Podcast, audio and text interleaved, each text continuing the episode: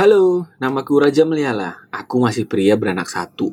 Panggil saja aku Pak Raja, Om Raja, Mas Raja, Papa Rahila, atau juga bisa Bapak Sada. Karena nama anakku Rahila Sada. Terserah handai taulan suka. Walau yang mendengar podcast ini sedikit ya, tapi setidaknya adalah yang dengar. Walau itu mungkin nanti ketika anakku besar dan mereka kasihan.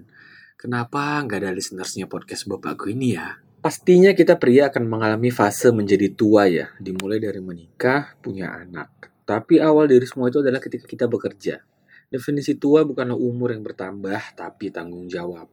Kalau kau sudah bekerja, pasti kau punya tanggung jawab. Dari situlah asal muasalmu menjadi tua. Podcast ini bukan hanya untuk kita yang beranjak tua, tapi kau pemuda-pemudi yang galau dengan kehidupan bersosialmu dan kejenuhanmu terhadap keseharianmu.